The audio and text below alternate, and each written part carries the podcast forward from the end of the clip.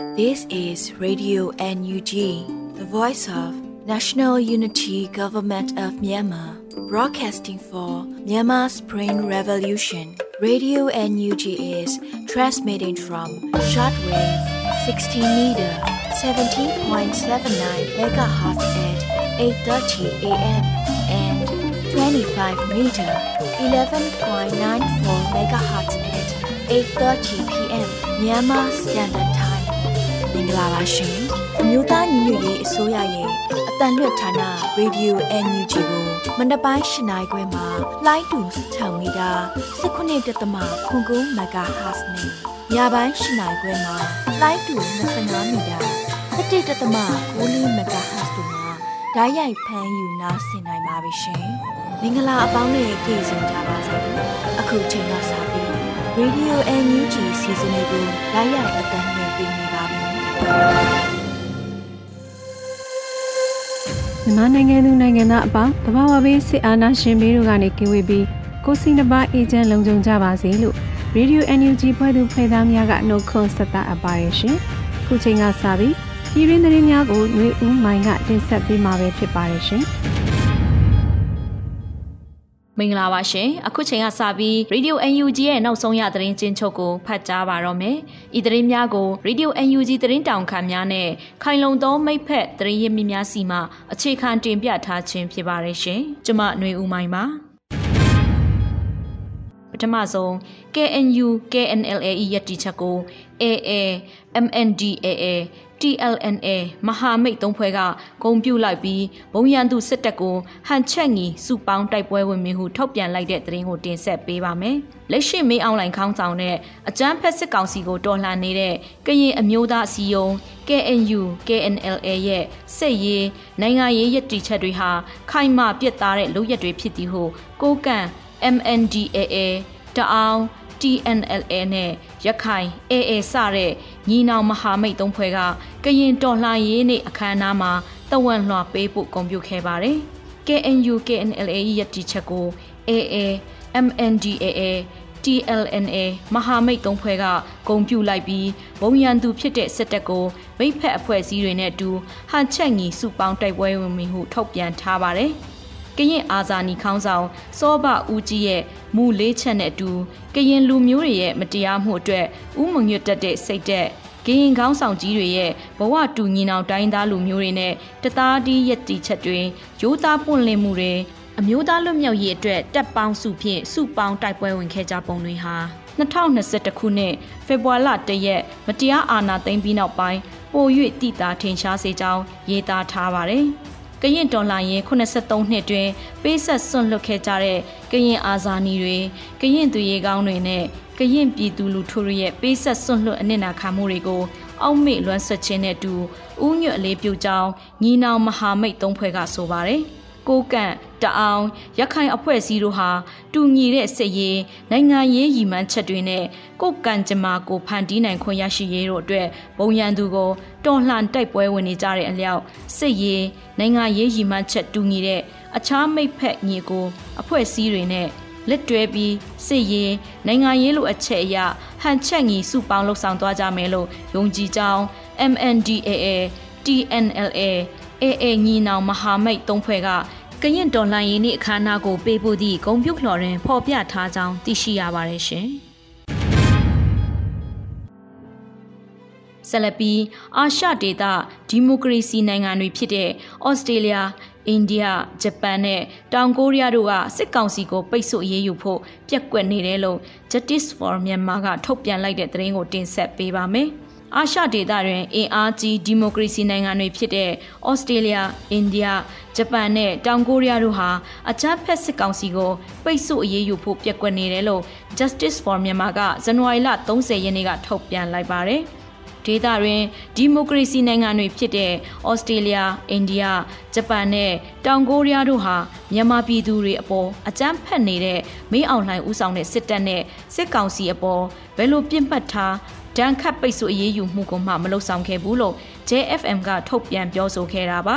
ဒါအပြင်အဲ့ဒီနိုင်ငံတွေမှာအခြေစိုက်တဲ့ကုမ္ပဏီတွေဟာလည်းမြန်မာစစ်ကောင်စီရဲ့စီးပွားရေးလုပ်ငန်းစုကြီးများနဲ့ပူးပေါင်းပြီးစီးပွားရေးလုပ်ငန်းတွေဆက်လက်လုပ်ကိုင်နေကြဆဲဖြစ်တယ်လို့ JFM ကထောက်ပြထားပါတယ်။ဩစတြေးလျနိုင်ငံအနေနဲ့ Magnitsky Style ဒဏ်ခတ်ပိတ်ဆို့ရေးယူမှုဥပဒေမူကြမ်းတရက်ကို2021ခုနှစ်ဒီဇင်ဘာလ2ရက်နေ့ကအတည်ပြုခဲ့ပြီးဖြစ်ပေမဲ့လည်းအခုအချိန်ထိအဲ့ဒီဥပဒေအရဒဏ်ခတ်ပိတ်ဆို့မှုတွေချမှတ်တာမရှိဘူးလို့ဆိုပါတယ်။ဩစတြေးလျ၊အိန္ဒိယ၊ဂျပန်နဲ့တောင်ကိုရီးယားနိုင်ငံတို့ဟာမြန်မာစစ်ကောင်စီရဲ့တရားမဝင်စစ်အာဏာသိမ်းကြိုးပမ်းမှုကိုတုံ့ပြန်ဖို့ပြစ်မှတ်ထားဒဏ်ခတ်ပိတ်ဆို့မှုဘာတစ်ခုမှချမှတ်နိုင်ခဲ့ခြင်းမရှိတာဟာရှက်ဖို့ကောင်းပါတယ်။မြန်မာစစ်ကောင်စီနဲ့ သူတို့ရဲ့စီးပွားရေးလုပ်ငန်းစုကြီးတွေအပေါ်ပြစ်မှတ်ထားဒဏ်ခတ်ပိတ်ဆို့မှုတွေချမှတ်ဖို့နဲ့အရှိန်မြင့်ပြီးချက်ချင်းအရေးယူဆောင်ရွက်ချက်တွေလှုပ်ဆောင်ဖို့လိုပါတယ်။အမေရိကန်ပြည်ထောင်စု UK ကနေဒါနဲ့ဥရောပသမဂ္ဂတို့ကသူတို့ရဲ့မိတ်ဆွေအစိုးရတွေအနေနဲ့ဒဏ်ခတ်ပိတ်ဆို့မှုအချို့ချမှတ်လှုပ်ဆောင်ထားပြီးတဲ့အပြင်ဒီလိုနှောင့်နှေးကြံကြာနေတဲ့အစိုးရတွေကိုဒဏ်ခတ်ပိတ်ဆို့မှုတွေချမှတ်ဖို့အတွက်တွန်းအားပေးဖို့လဲတာဝန်ရှိနေပါတယ်လို့ Justice for Myanmar ရဲ့ပြောရေးဆိုခွင့်ရှိသူမယနာမောင်ကပြောပါတယ်စစ်တပ်ရဲ့ရက်စက်ကြမ်းကြုတ်တဲ့ရာဇဝတ်မှုတွေကိုရပ်တန့်ဖို့နိုင်ငံတကာအစိုးရတွေက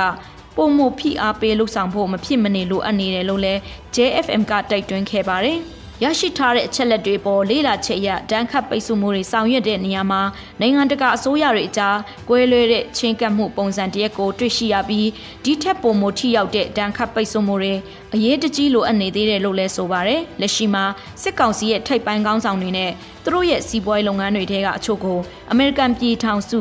UK ကနေဒါနဲ့ဥရောပသမဂ္ဂတို့ကဒဏ်ခတ်ပိတ်ဆို့အရေးယူမှုတွေချမှတ်ခဲ့ပါတယ်။ ဒါပေမဲ့စစ်ကောင်စီထိန်းချုပ်ထားတဲ့မြန်မာရေနာနဲ့တဘာဝတက်ငွေလုပ်ငန်း MOGE နဲ့ Mytel ကိုပိုင်ဆိုင်သည့် Telecom International Myanmar Company အပါအဝင်စစ်ကောင်စီရဲ့စီးပွားရေးလုပ်ငန်းတွေကိုပြစ်မှတ်ထားဒဏ်ခတ်ပိတ်ဆို့မှုချမှတ်ဆောင်ရွက်ဖို့လိုအပ်နေစေဖြစ်တယ်လို့တိုက်တွန်းထားပါတယ်။မြန်မာရေနာနဲ့တဘာဝတက်ငွေလုပ်ငန်း MOGE ဟာအကြမ်းဖက်စစ်ကောင်စီအတွက်အရေးပါတဲ့အခွန်ဘာနာငွေရှာဖွေပေးနေတဲ့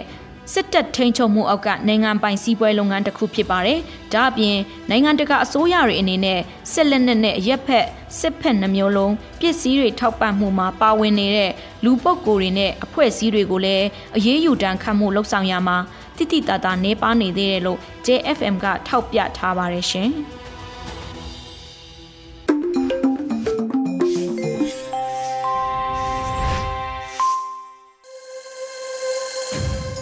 ဆက်လက်ပြီး NUG အစိုးရရဲ့စစ်ဆောင်ပြည်သူတွေကိုကူညီပံ့ပိုးမှုအစီအစဉ်ကိုတော့ຫນွေဦးရွှေဝါကတင်ဆက်ပေးမှာပဲဖြစ်ပါတယ်ရှင်။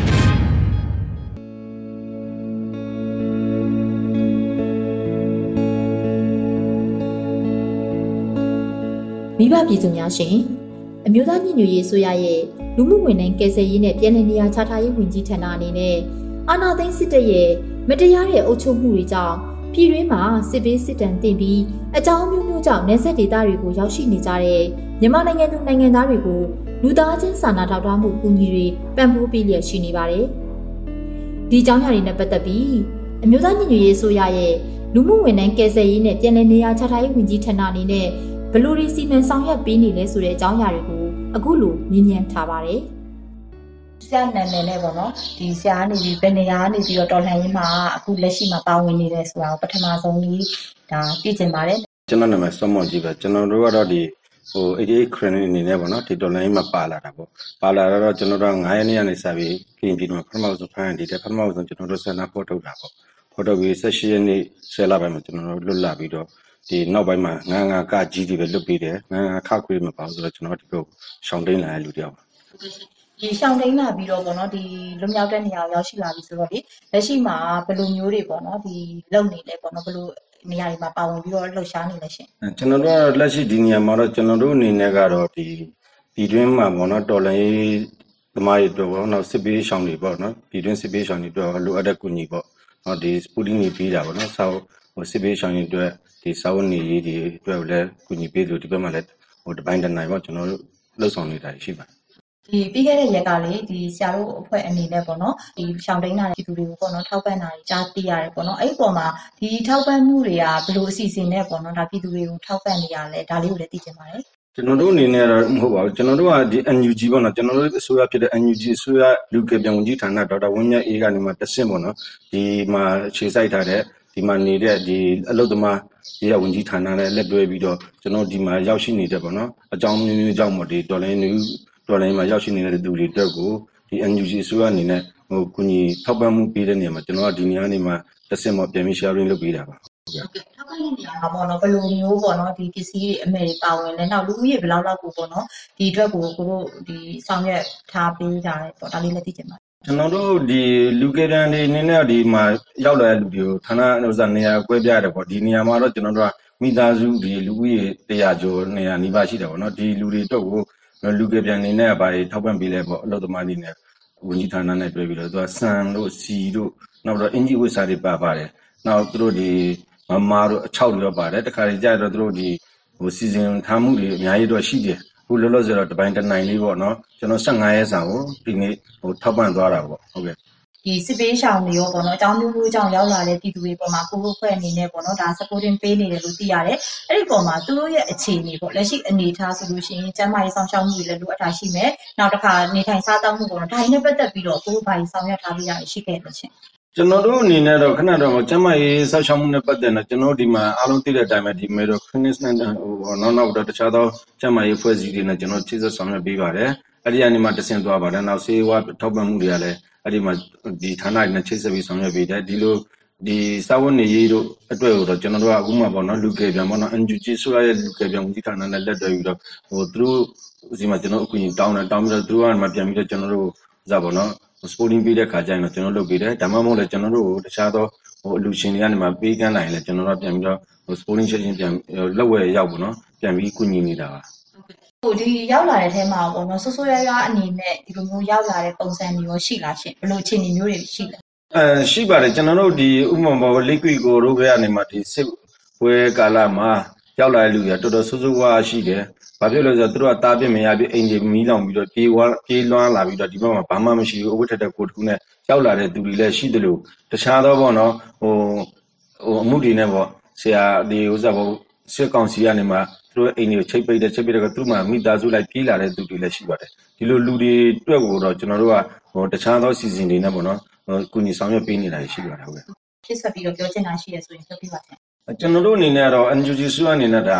ဘောနော်ဟိုပြည်သူတွေပုံမှာမမမမဟိုရက်တီးပြီးတော့ကာကွယ်နေတော့မယ်ထောက်ပံ့နေတော့မယ် NGO စုပုံမှာလည်းဟိုတလွဲမထင်ပါနဲ့သူတို့မှလောက်ကင်ရတာအများကြီးရှိသလိုကျွန်တော်တို့ဒီပြည်သူလူထုကလည်းကိုယ့်ခက်ခဲတွေကိုကိုယ့်ဘာသာကို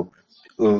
ဖြည့်ချင်းဆောင်ရွက်ရင်းနဲ့တကယ်တမ်းလိုအပ်လာတဲ့ခါကျရင်ကျွန်တော်တို့နဲ့တော့လည်းကောင်းနီးစပ်ရတော့လည်းကောင်းဟိုဆက်သွယ်ကူညီတောင်းခံလို့ရပါတယ် NGO စုကအများအားပဲတကားခွင့်နိုင်ပါတယ်လို့ကျွန်တော်အဲ့ဒါပြောကြားချင်ပါတယ်ဒီမျိုးတော်လန်ရလေးကျမတို့ဒီပေါင်းလာတဲ့ပေါ့နော်တော်လန်နေကြတဲ့သူတွေအနေနဲ့ဆိုရင်ဒီတစ်နှစ်တာကာလကိုရောက်တော့မယ်ပေါ့အခုလာမယ့်ဖေဖော်ဝါရီတရက်ဆိုလို့ရှိရင်တစ်နှစ်ပြည့်တော့မယ်ပေါ့နော်ဒါနဲ့ပတ်သက်ပြီးတော့ပေါ့နော်ဒီလှုပ်ရှားနေကြတဲ့သူတွေအနေနဲ့ရောနောက်တစ်ခုကကြာဒီနေရာမှာပါဝင်နေတဲ့အခန်းကဏ္ဍအနေနဲ့ရောဗာမြန်ပြောချင်ပါလဲရှင် ကျွန်တော်တို့အနေနဲ့တော့စိတ်သက်မကြဘူးပေါ့နော်ဒီ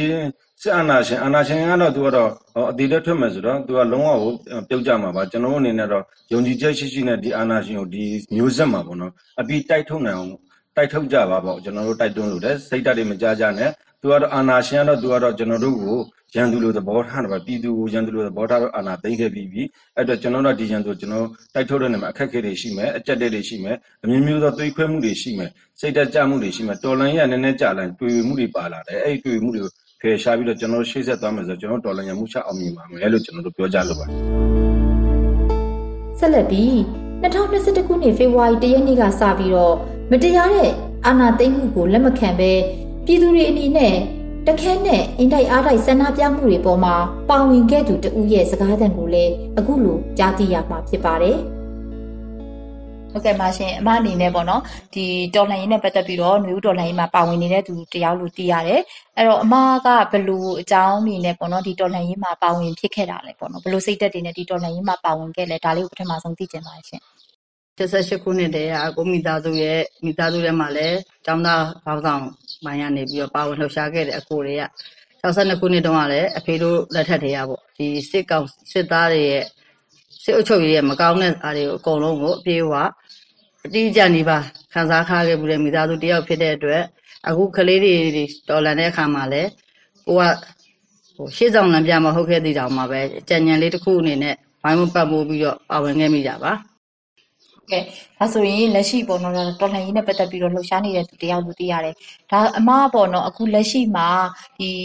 စစ်ကောင်စီရဲ့ပေါ့နော်ဒီထိုးနှက်ချက်တွေစစ်ကောင်စီရဲ့ဒီမတရားညှဉ်းပန်းမှုတွေကနေပြီးတော့ပေါ့နော်ဒီခံစားနေရတဲ့နေရာကနေပြီးတော့လွတ်မြောက်လာသူတဦးလို့လည်းသိရတယ်ပေါ့။ဒီအမတို့အဖွဲ့အနေနဲ့ပေါ့နော်ဒီစုစုစီစီနဲ့ဒီလိုမျိုးလေးလှုပ်ဖြစ်အောင်ဘယ်လိုအခြေအနေတွေနဲ့ပေါ့နော်ဒါစူးစီးခဲ့တာလဲဘယ်လိုအခြေအနေတွေနဲ့ထက်ကျော်ပြီးမှဒီဘက်ကိုရောက်ခဲ့တာလဲဒါလေးကိုလည်းသိချင်ပါတယ်ရှင် အာအနာစသိမ့်ပြီးတော့ကလေးတွေကစပြီးတော့တော့ဟိုပါပေါ့ငင်းငန်းစွာဆန္ဒပြကြတယ်ဆန္ဒပြနေတွေကကိုရီးယားတော့ဟို88ခုနှစ်တော့အဲ့တော့ကတော့ကိုရီးယားကလေးပေါ့ဒါပေမဲ့အဲ့တော့နေကအကိုတွေခံခဲ့ရတဲ့တက္ကသိုလ်ကျောင်းသားတွေခံခဲ့ရတဲ့ပြည်သူတွေခံခဲ့ရတဲ့အတွေ့အကြုံတွေရှိတော့သူတို့သတိပေးရနေပြီးတော့တကယ်ပဲတစ်ခုတစ်ခုသူတို့ကျန်းတဲ့ရက်ဆက်မှုတွေကိုကြုံလာခဲ့ရတယ်ကြုံလာခဲ့ရတဲ့ခါကျတော့ဟိုကိုယ်အသက်အရွယ်အပိုင်းခြားနဲ့အတွေ့အကြုံရဒီကလေးတွေဘက်မှာဘေးကနေပြီးတော့အကြံဉာဏ်လေးလေးပေးရင်ဆောင်းလျှောက်ရင်ကိုညီနိုင်တာလဲကိုညီရင် ဒီလိုဟို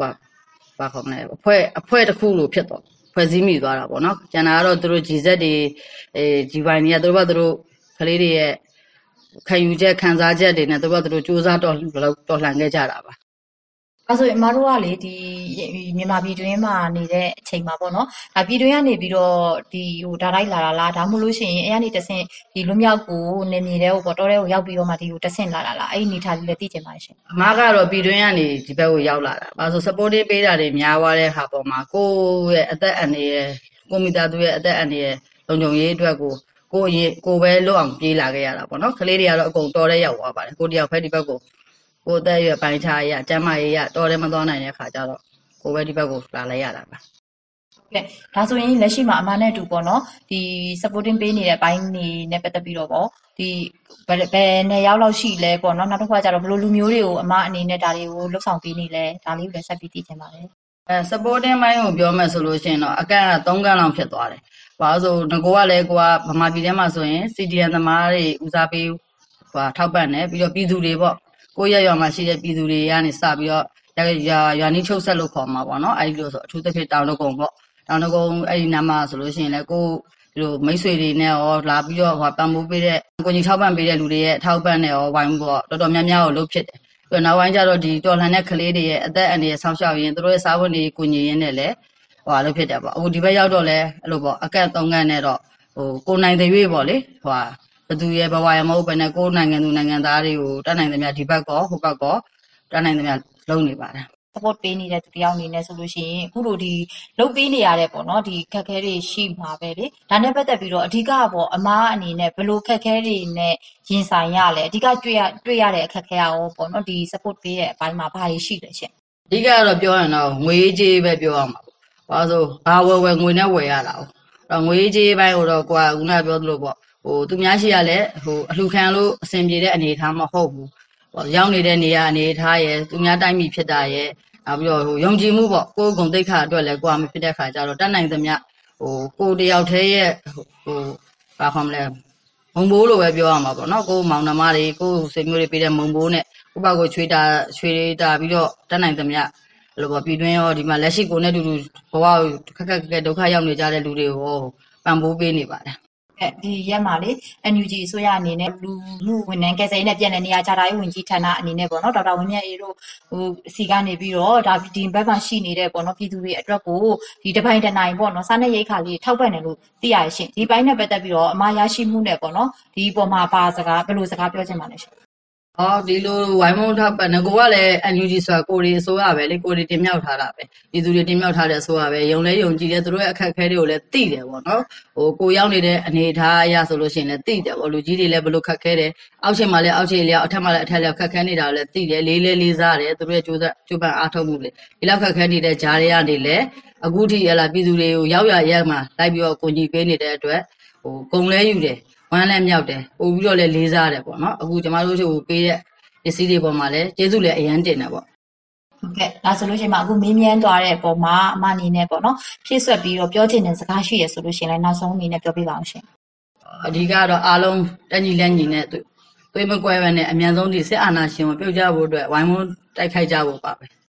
ဟုတ်ကဲ့ဒါဆိုရင်စောစောကပြောခဲ့သလိုပဲပေါ့နော်မျိုးတော်လှန်ရဲ့တစ်နှစ်ပြည့်ပြည့်တော့မယ်ပေါ့နော်ပြည့်တော့မယ်ဆိုတော့ဒီတစ်နှစ်ပြည့်တဲ့အနေအထားမှာပေါ့နော်ဒါပြည်သူတယောက်အနေနဲ့လည်းတက်ကြလှုပ်ရှားစာနဲ့ဒီတော်လှန်ရေးမှာပါဝင်ခဲ့တယ်လက်ရှိမှာဆိုလို့ရှိရင်လည်းဒါစစ်ကောင်စီလက်အောက်ကနေလွတ်မြောက်ဖို့အတွက်ရုံးထွက်လာတဲ့သူတယောက်အနေနဲ့ဒီနေရာကနေပြောချင်တဲ့စကားရှိရဆိုရင်ပြောပြပါအောင်ရှင်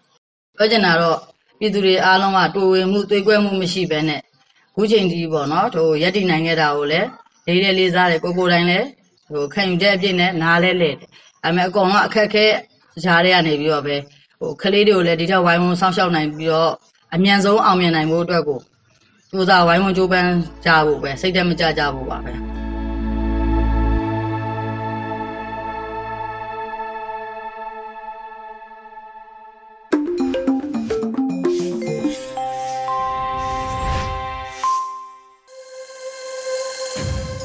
ရေဒီယို NUG မှဆက်လက်တမ်းလှည့်နေပါတယ်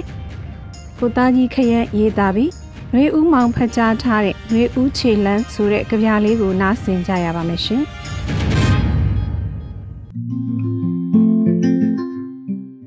နှွေဦးခြေလန်းနှစ်စိုးတစ်နှစ်ရဲ့အဆုံးသတ်မှာငါတို့ဟာတေကွဲတွေရှင်ကွဲတွေနဲ့ကြေခွဲခဲ့ရပြီးပြီပဲကပ်ဘေးတွေအကြောင်းငိုချင်းရှည်တွေမချလို့တော့ပြီကိုနိုင်ယာကိုထမ်းလို့ ငါတို့ရှေ့ဆက်ကြမယ်ငါတို့ခြေလန်းတွေစိတ်ချင်လဲစိတ်မယ်ကျဲချင်လဲကျဲမှာပေါ့ငါတို့ညီနေဖို့သာအဓိကမဟုတ်လား Federal Democracy New Year နှစ်သက်ကိုကြိုရင်ဖက်စစ်ကိုဖြိုမယ်တဲ့တကြော့ပြန်ဒီຫນွေဥမှာငါတို့မုတ်ဆိုးဖြစ်အလှဲ့နော်မင်းတို့စိုက်ခဲ့သမျှဟာအသီးအပွင့်တွေစုံနေပြီဖို့ရိတ်သိမ်းဖို့ရာအသင့်ပြင်ထားကြပြီတော့ ကိုသားကြီးခရမ်း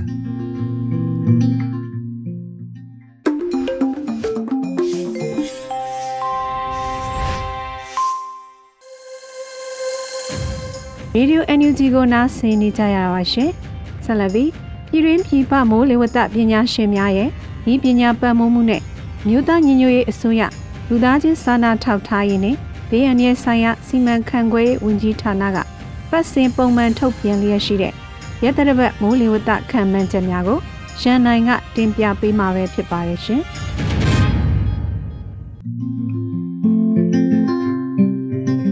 2022ခုနှစ်ဇန်နဝါရီလ31ရက်နေ့မှဖေဖော်ဝါရီလ6ရက်နေ့ထိမိုးလေဝသအခြေအနေများကိုကျွန်တော်ရန်နိုင်ကတင်ဆက်ပေးပါတော့မယ်ခင်ဗျာယခုရက်သတ္တပတ်အတွင်းမြန်မာနိုင်ငံမြောက်ပိုင်းမှာဆောင်းရာသီရဲ့အေးအေးဓာတ်ကိုဆက်လက်ကြုံတွေ့ခံစားရမှာဖြစ်တဲ့အပြင်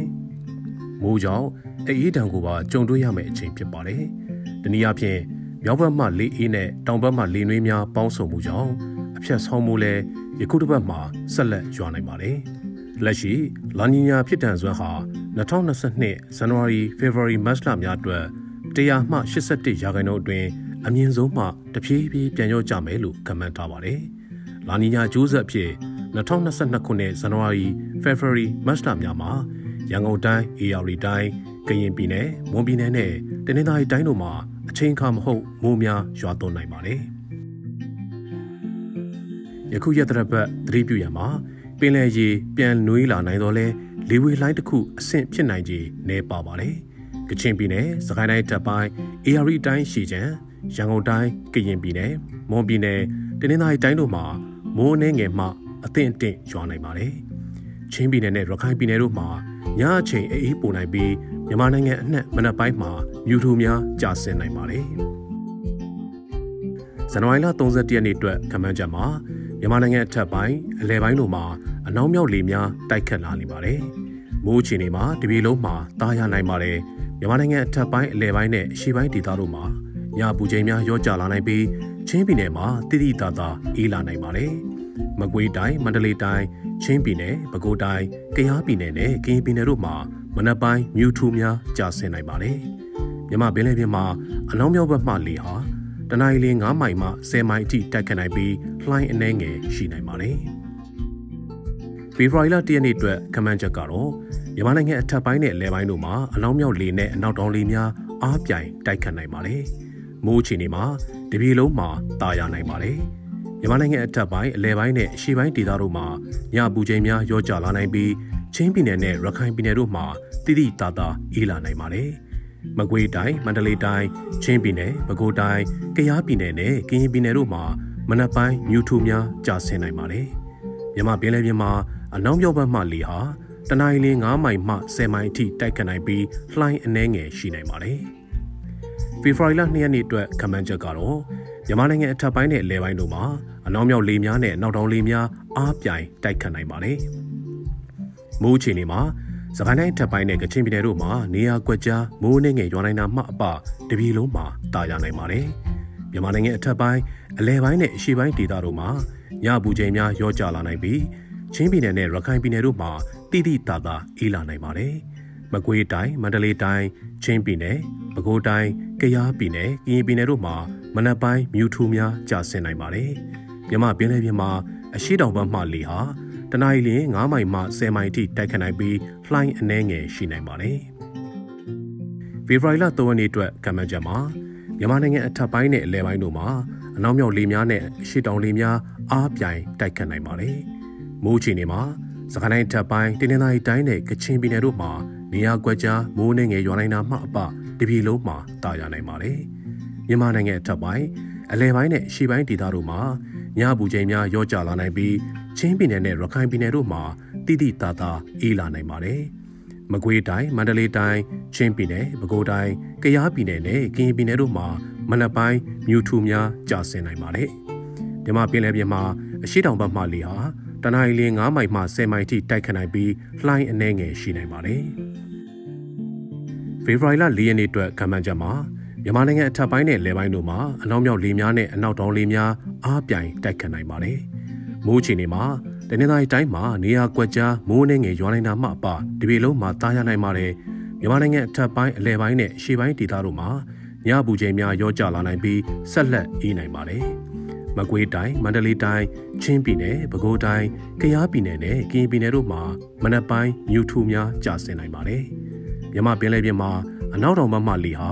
တနင်္လာရီ9မိုင်မှ10မိုင်ထိတိုက်ခတ်နိုင်ပြီးလှိုင်းအနှဲငယ်ရှိနိုင်ပါတယ်။ဖေဖော်ဝါရီလ9ရက်နေ့အတွက်ခန့်မှန်းချက်ကတော့မြန်မာနိုင်ငံအထက်ပိုင်းနဲ့လယ်ပိုင်းတို့မှာအနောက်မြောက်လေများနဲ့အနောက်တောင်လေများအားပြိုင်တိုက်ခတ်နိုင်ပါတယ်။မိုးအခြေအနေမှာ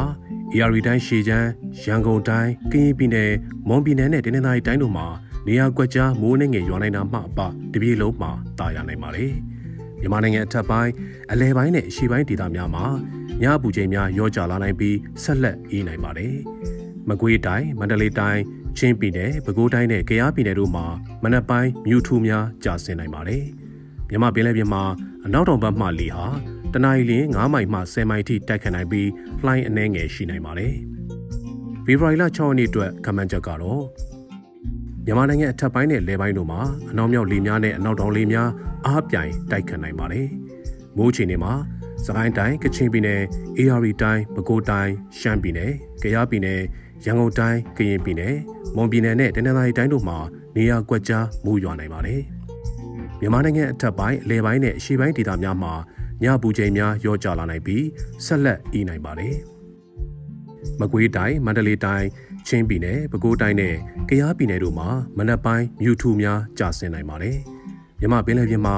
အနောက်အနောက်တောင်ဘက်မှလေဟာတနအီလ9မိုင်မှ10မိုင်ထိတိုက်ခတ်နိုင်ပြီးလှိုင်းအနှဲငယ်ရှိနိုင်ပါတယ်ခင်ဗျာ